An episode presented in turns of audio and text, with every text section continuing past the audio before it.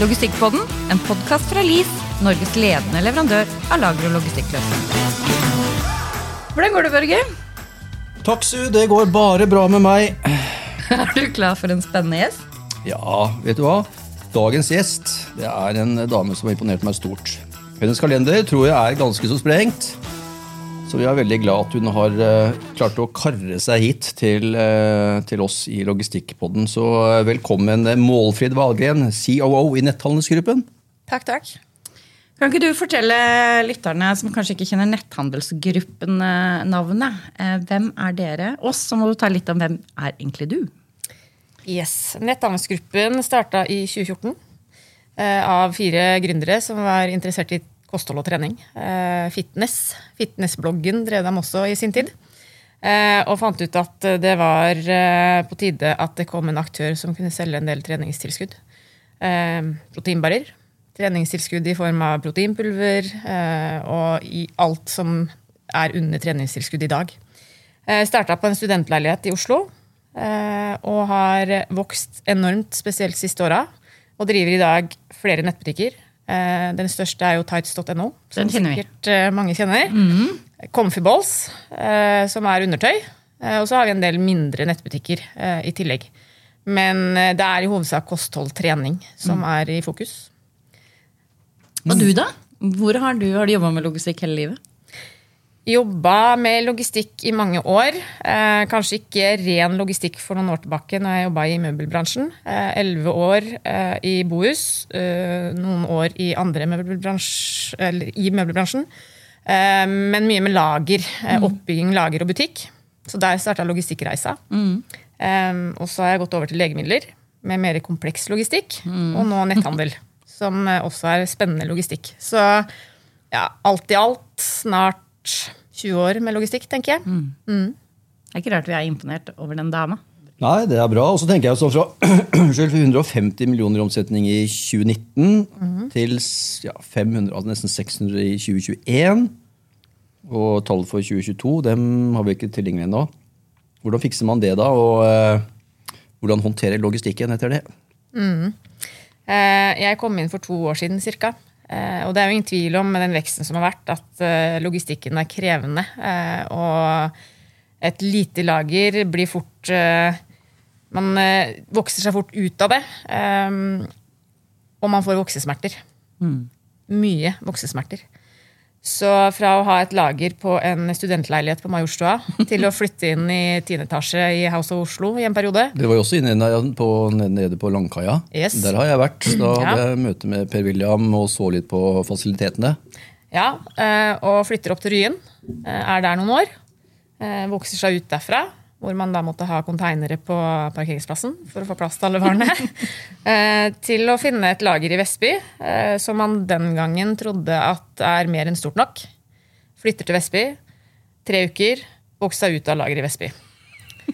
Eh, og da sier det seg sjøl at voksesmerter den blir litt sånn følger oss. Så for to år siden, da jeg starta, så hadde vi seks lagerlokasjoner. Eh, og da snakker man krevende logistikk og ineffektiv logistikk. Eh, I dag så sitter vi på to. Så det er litt lettere, men fortsatt ikke optimalt. Hva er den største utfordringen i logistikken de siste åra? Dere selger jo alt fra et bredt energidrikk til noe proteinpulver til 10 kilo, til en eh, tights og reklame. Min favoritt, Candy Fersken. Um, Det er jo veldig forskjellige produkter her. Veldig mye forskjellige produkter. eh, og det å lagre så mye forskjellige produkter innebærer jo masse utfordringer, selvfølgelig.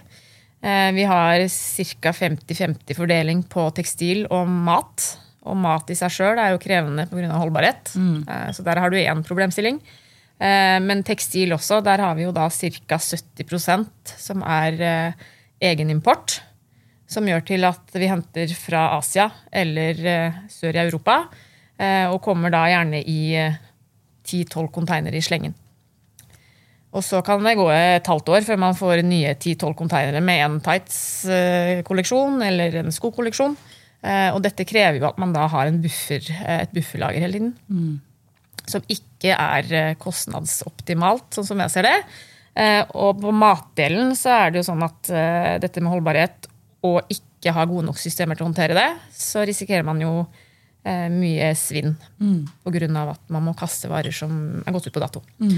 Um, og det å ha to fysisk adskilte lager eh, krever også at man har gode systemer for å få det til å flytte. Og når du da har ganske manuelle systemer, så gjør det til at du må ha masse tilleggssystemer for å håndtere den logistikken.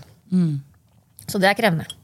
Mm. Men spennende. Har, dere har jo liksom eh, altså dere, har jo et, det har jo mye plukk. Altså, I forhold til kanskje ikke rekorden, men altså, hvor mange plukk eh, eller ordre og ordrelinjer liksom, har dere på en sånn skikkelig hektisk eh, dag? Ja, rekorden hadde vi på Black Friday eh, 2022. Da hadde vi vel 42 000 ordrelinjer ut den dagen. Ja. Og nesten 6000 collie ut porten. Det er godt ikke er Black Friday hver dag. Det er godt ikke er Black Friday hver dag. Og, eh, men, eh, ja, så dere plukker i hvert fall eh, som sagt, det er mye, da. I snitt ligger vi vel på rundt eh, 20 000 linjer om dagen. Um, dere har mange artikler det har vi vært inne på nå. Uh, hvor gode er dere på masterdata? Det er Nesten i hver episode vi har, så kommer vi inn på dette med masterdata. Hvordan jobber dere med det? Ja, Maserata for meg er jo kanskje sammen med flere ting, men en av de tingene som er viktigst for å få logistikken til å flytte eh, og få verdikjeden til å fungere optimalt. Eh, vi er ikke gode nok på Maserata. Um, og der har vi en kjempestor jobb å gjøre, for nå er vi i en prosess hvor vi skal både implementere nytt ERP-system og VMS-system. Eh, og det ser vi jo i underveis nå i prosjektet, at uten Maserata så er det ingen vits i å jobbe med disse systemene i det hele tatt. Eh, Så her har jeg et team nå som jobber eh, nesten dag og natt for å få all masterdataen på plass. Eh, Og dette er jo nøkkelen til suksess for å få holde kostnadene nede. Spesielt på pakking. eh, Fordi at eh, vi sender jo dessverre mye luft fordi at masterdataen vår er feil. Eh, Så masterdata er krevende, men noe av det viktigste vi jobber med. Jeg tenkte på i forhold til eh, du sier om masterdata, men egentlig sånn generell data, så, så eh, er det jo sånn at AI har jo kommet veldig sånn eh, blitt veldig hot. I hvert fall for en yngre generasjon. Ikke så mye for meg. Neida. Og, og der er jo data enda ekstremt viktig. Altså i forhold til en ting er masse, men all data for å kunne utnytte og godtgjøre seg av all den informasjonen man vil ha ut av, av AI. Hva slags forhold har, har dere noe forhold til AI? Jeg føler at det er mange av disse som ikke har det, men hvordan er det med netthandelsgruppen? Vi er jo et veldig ungt selskap, eh, og mange unge som jobber hos oss. Eh, Så dette med AI er veldig hot hos oss også. Eh, Jeg er sånn som deg. Jeg er ikke helt der, fordi jeg er en av de eldste. Så jeg ikke kommet, klarer ikke å helt henge med.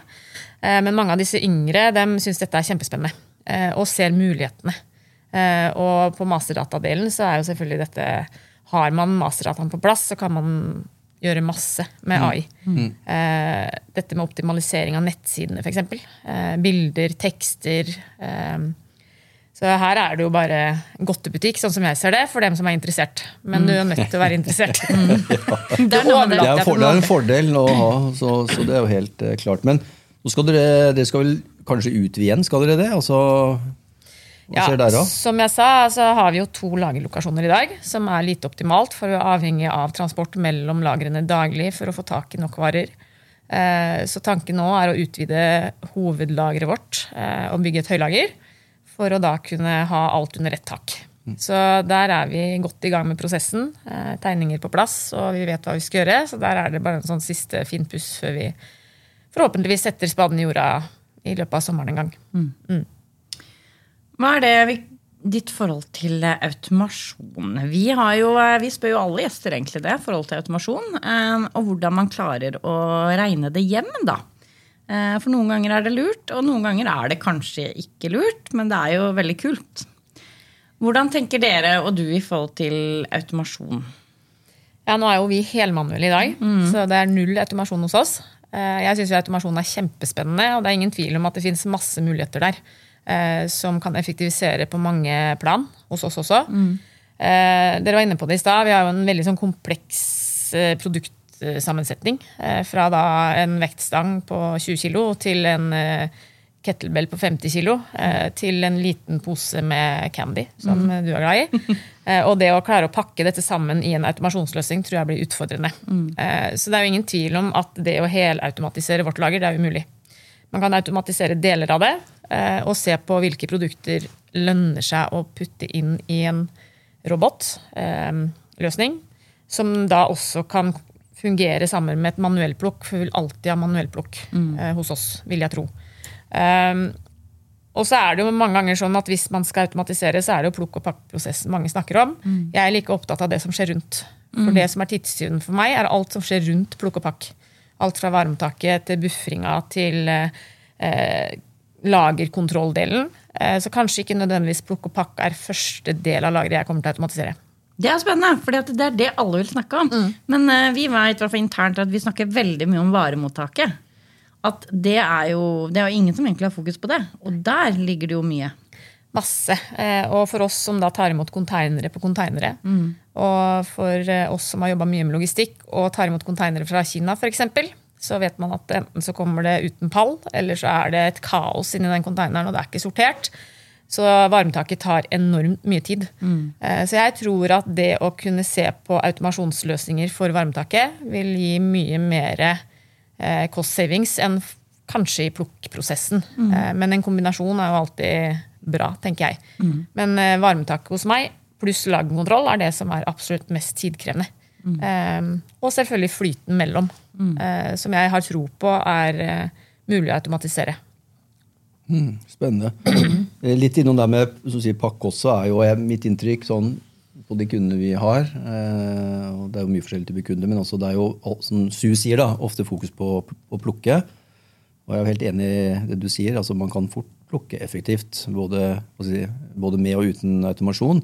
Men pakking også er jo en sånn greie som eh, en del sliter med, fordi at samme der er veldig vanskelig å finne altså en, en løsning som pakker en kettlebell på 50 kg og en pose liksom, i, i samme pakken. Men hva slags erfaringer har dere med den pakkeprosessen? Har dere sett på en type løsning? Har dere, har dere tenkt, hva har dere liksom tenkt rundt det? Nå har jeg jobba mange år med å se på løsninger på automasjon. Eh, Der jeg kanskje syns at eh, bransjen har kommet kortest, er jo på pakkeprosessen. Det finnes veldig få løsninger som jeg ser som veldig optimale og effektive i dag på pakking. Så der er jeg litt sånn ute og ser litt hva er det som finnes. Eh, fordi at sånn som det er hos oss i dag, som, hvor det er såpass komplekst, da, hvor man har seks forskjellige typer eh, esker, man har to forskjellige typer poser, man har pall, eh, man har kartong, så kan jeg ikke i dag se en løsning som kan løse hele logistikken for meg på pakking. Eh, Så der tror jeg bransjen har masse å hente på pakkeprosessen. Fordi at, eh, enig med deg, det er plukk som gjerne er i fokus.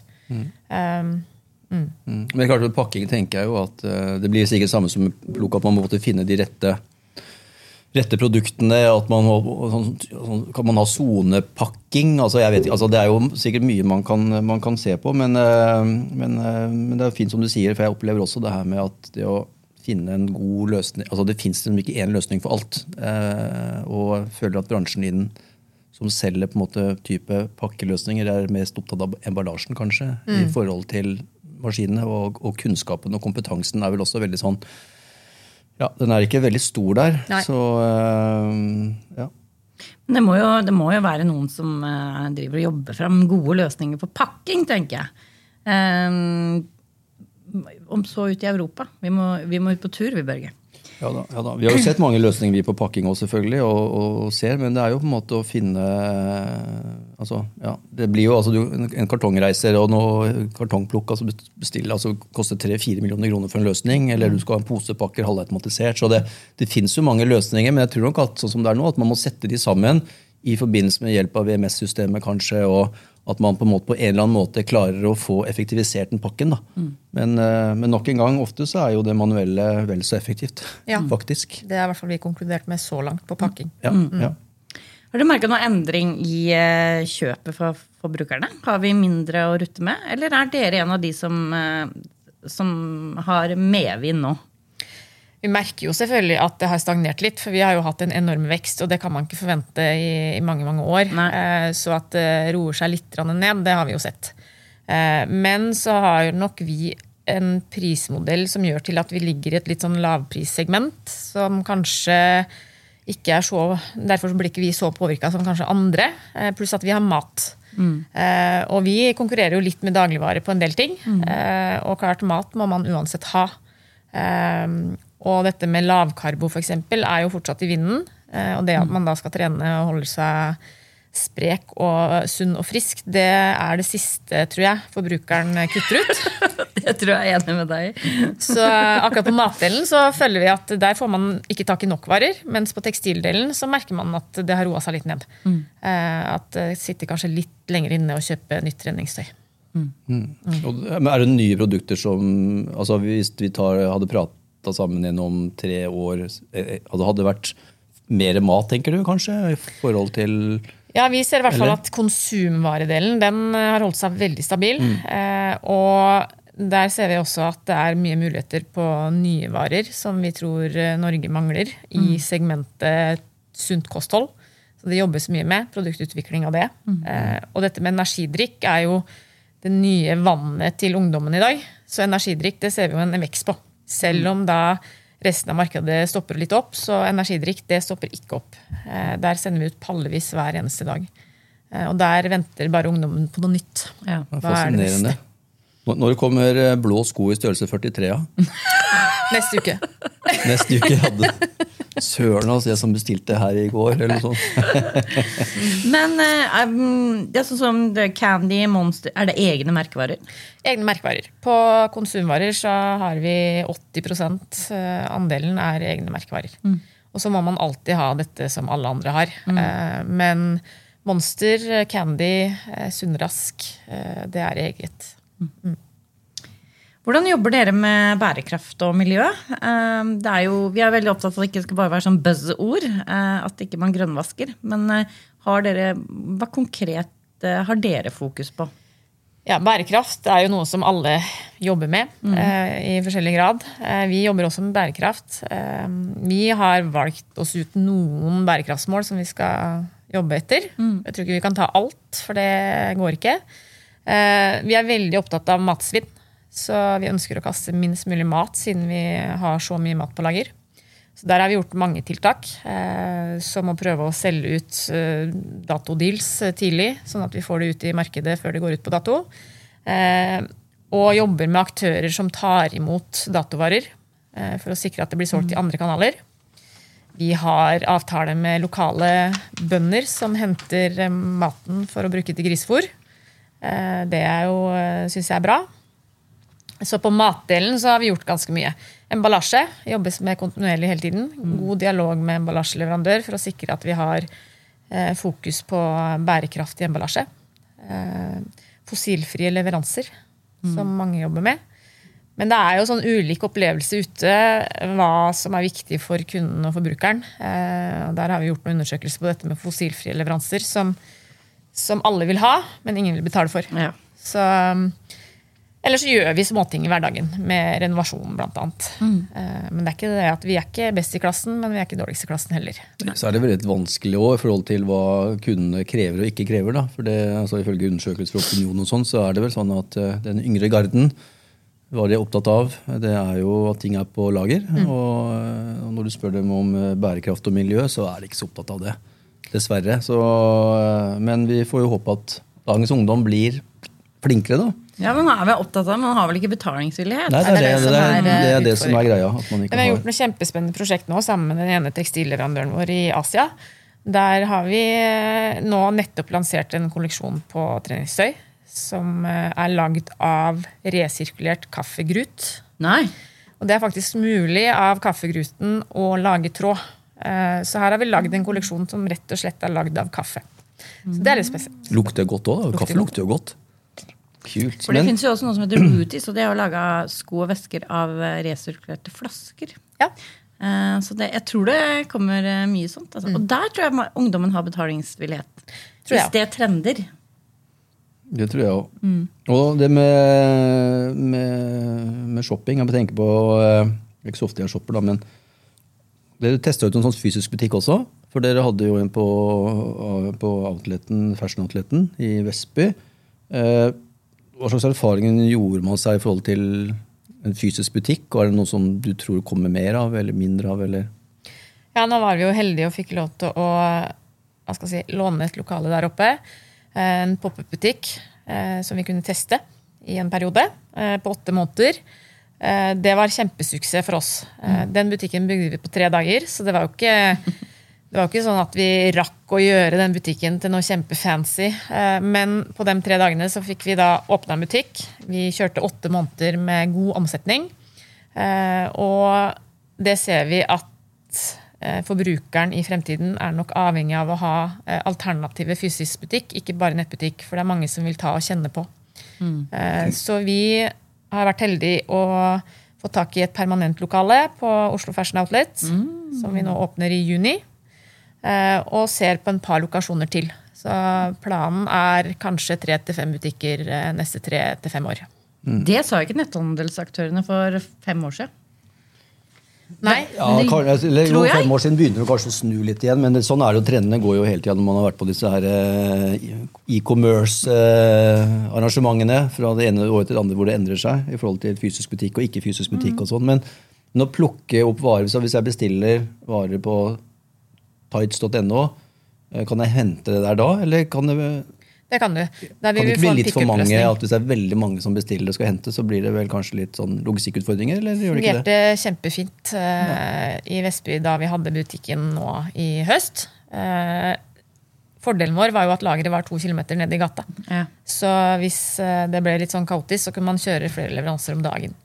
Eh, så vi tenker samme pickup-løsning nå også når vi åpner ny butikk. Det vi så i den butikken, var jo at det som ble handla på nett mot det som ble handla i butikk, var ikke helt likt. Eh, kunden kjøpte gjerne noe annet i butikken enn hva de handla på nett. Så det gjør jo til at man kanskje drar til seg andre typer kunder i fysisk butikk enn hva man har på nettet. Eh, så det ser vi som en, en fordel for oss, da. Å få mer salg. Spennende. Eh, kampen om arbeidskraft i Vestby. Det er mange lagre der. Eh, hvordan tiltrekker dere de beste, og hva tenker dere om arbeidsmarkedet? Det er helt riktig det, at Vestby er jo eh, blitt et nytt eh, logistikkmekka. Mm.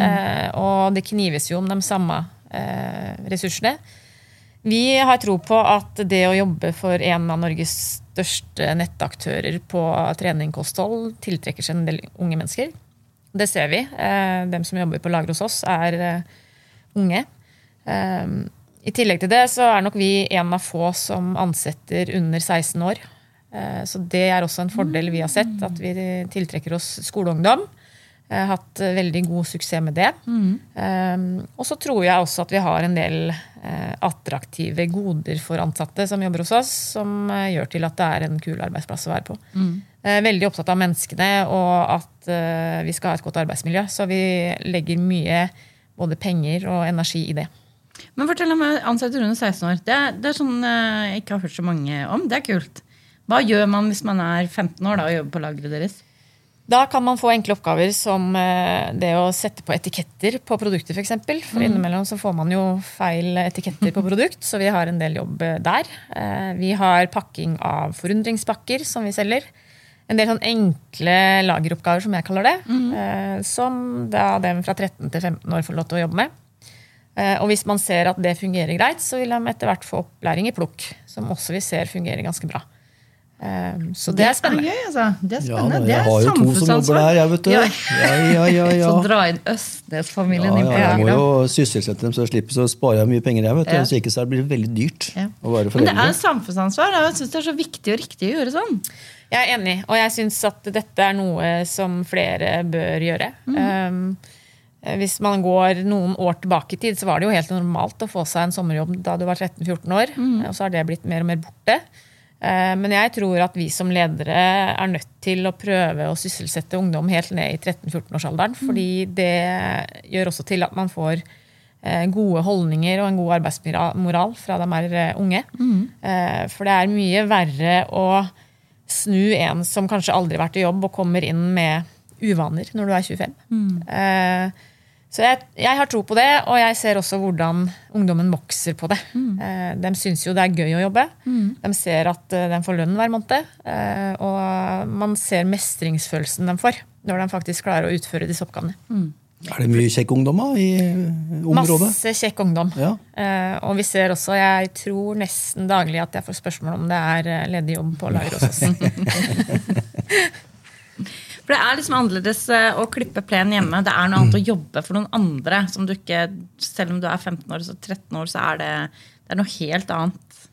Um, Det er kanskje, Jeg vet ikke om man har lov på men Jeg tenker på mange, Hvis det er noen lyttere der ute som har problemer med kanskje om det er masterdata eller andre typer ting, og gjør ting som aldri får tid til, aldri får gjort, så finnes det jo mye kjekk ungdom som kan bistå litt. Ja, ja. med å gå med Ja, og det er kanskje. masse flink ungdom. Mm. jeg er superimponert jeg, over disse fra 13 til 18 år hos meg. Eh, mange av dem er vel så effektive som dem på 30. Ikke sant? Mm. Har du noen tips til en nyansatt COO eller logistikksjef? Hva begynner man med, og hva skal, må man ha kontroll på?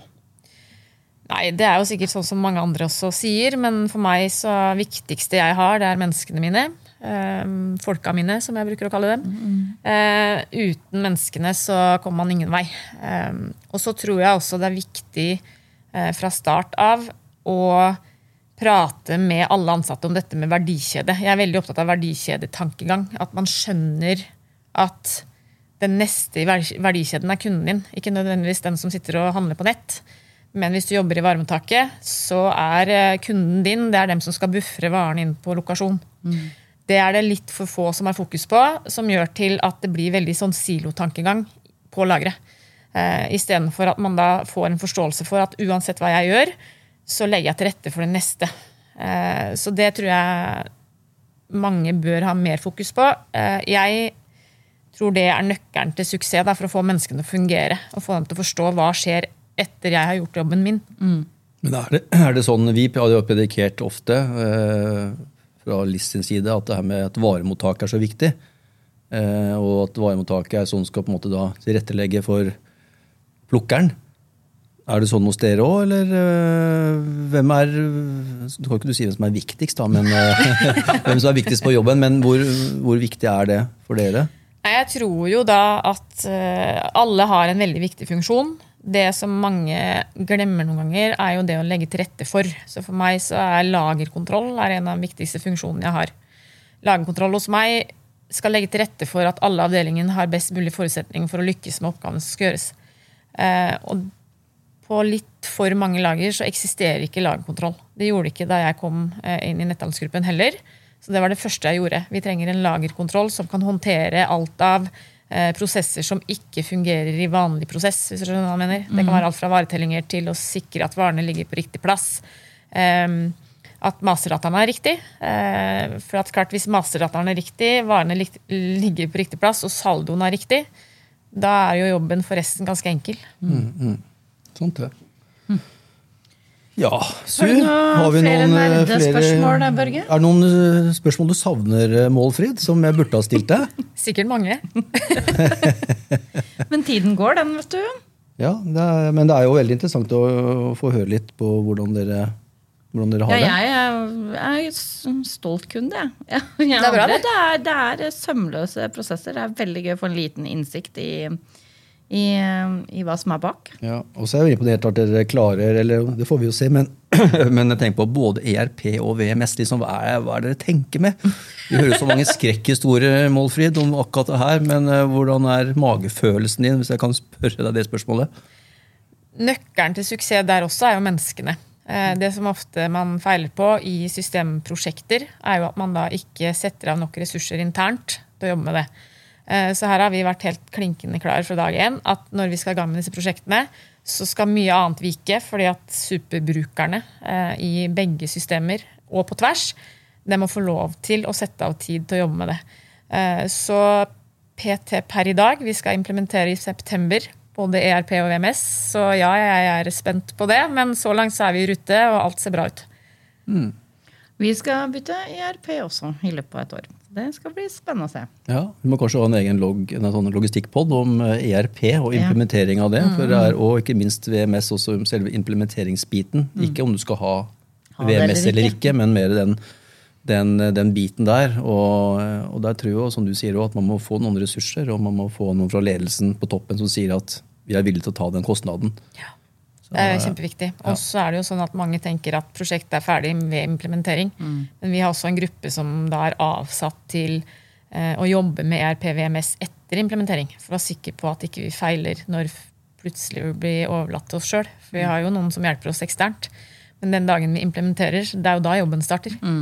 Så det er også viktig. Det vet vi alt om. Vi leverer jo også VMS, fikk jeg sagt det òg. Eh, og hvis, ja, men det er jo sier viktigheten at når alt på en måte er på plass og det er implementert, det er jo da de har behov for oss. At vi er og holder dem i hånda, leier dem litt rundt og, og er sammen med dem en liten stund framover. Så det tror jeg blir kjempe, kjempeviktig. Men eh, nei, jeg hadde ikke noe sånn mer spørsmål jeg da, Su. Nei, da takker vi for at du ville komme, Målfrid. Takk for at jeg fikk komme. Veldig hyggelig. Takk for i dag. Takk for i dag.